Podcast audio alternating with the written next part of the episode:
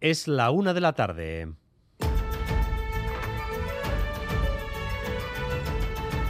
Crónica de Euskadi con Dani Álvarez. A León, a 72 horas de las votaciones para elegir alcalde, el juego de la silla está tomando temperatura en muchos pueblos. Ya sabíamos que no iba a respetarse la lista más votada, pero ahora sabemos también que en medio de una gran discreción se están estableciendo acuerdos incluso inesperados. Aún así, hay todavía campos de juego que están sin resolver.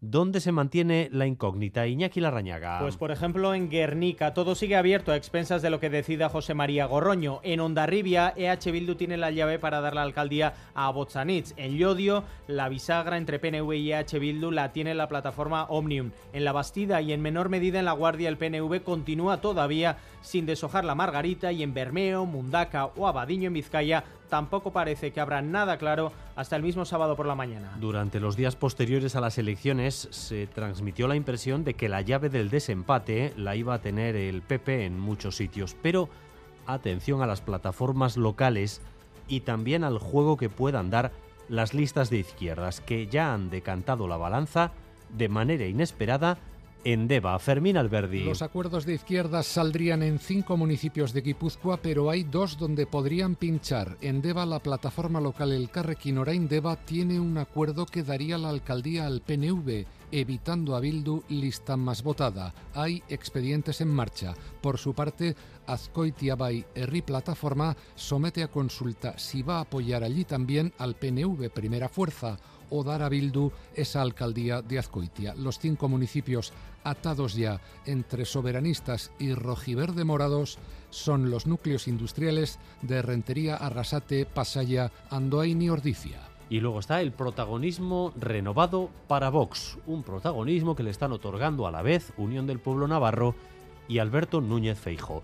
Vox tiene exactamente una concejala en Álava, Vizcaya, Guipúzcoa y Navarra, una de 4.663. Fue elegida en la pequeña localidad navarra de San Adrián, en la Ribera. Se llama Socorro Sada. Y gracias a ella, UPN le va a levantar la alcaldía al PSN. Enrique Maya, que va a ser candidato al Congreso tras dejar la alcaldía de Pamplona, dice que todo está bien con tal de tumbar a los socialistas. Ollane Arangoa.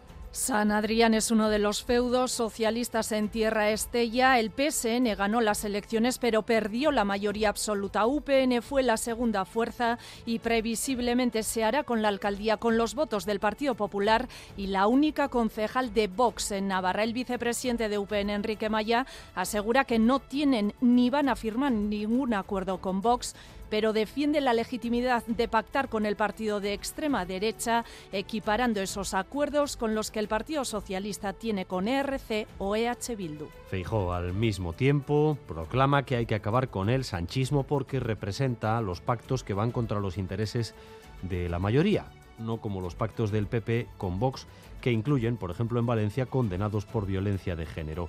Un pacto que confirma que si Feijó gana las elecciones, su vicepresidente sería Santiago Abascal. Feijó avala el pacto de Valencia porque a Vox le han votado muchas personas. Es evidente que Vox ha sido determinante en estas elecciones y lo ha votado mucha gente. Teníamos una, una, eh, una condición y es que no nos parecía razonable que formase parte del pacto ni de eh, posibles acuerdos de investidura eh, una persona que había sido condenada y lo respetamos absolutamente, es un hecho que ha ocurrido hace mucho tiempo, pero había una condena y eh, Vox accedió a esa propuesta y automáticamente se desbloquea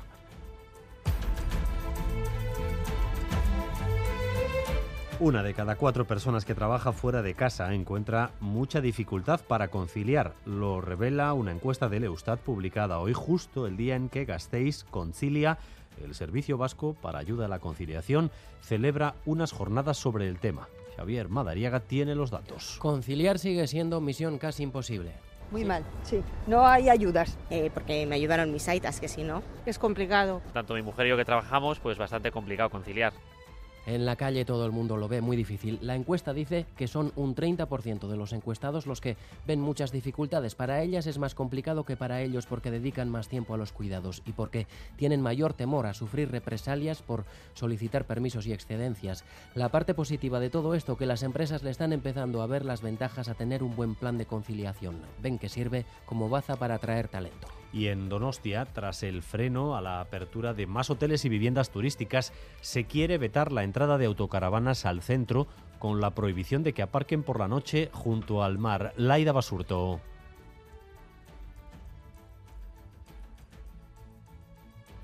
No tenemos a Laida Basurto, pero eh, tenemos que hablar también de un nuevo drama en el Mediterráneo con decenas de migrantes fallecidos. Un barco se ha hundido a unos 80 kilómetros de la costa griega. Se han recuperado de momento 59 cadáveres. Óscar Pérez.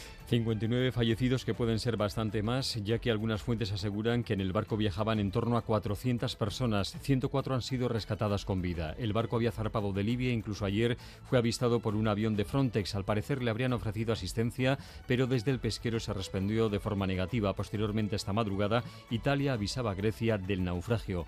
Es la mayor tragedia en el Mediterráneo Oriental en lo que llevamos de año.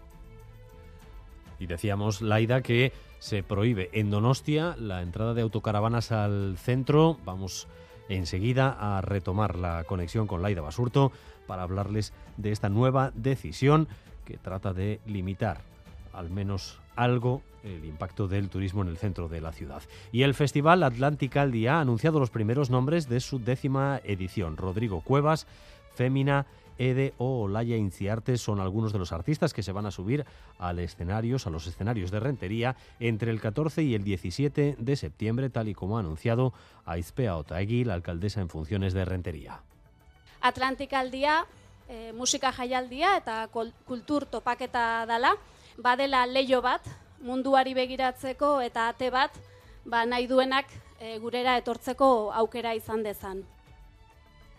Y vamos también con lo más destacado del deporte, con Álvaro Fernández Cadierno. Arrachaldeón, Álvaro. Arrachaldeón con una renovación Garasi Murúa en el Athletic. De este modo, la capitana rojiblanca cumplirá una década en el club. Tenemos lista de convocados para la Euro 2021 la sub-21 de Georgia y Rumanía, con siete jugadores vascos en ella. Fichaje en Lointe Guernica. Después de un año en blanco por problemas en la espalda, vuelve Angie Borklum y en ciclismo en marcha la cuarta etapa de la Vuelta a Suiza y la primera en Eslovenia. Y en cuanto al tiempo, hoy parece que tendremos un tiempo algo más estable y con un ligero ascenso en las temperaturas.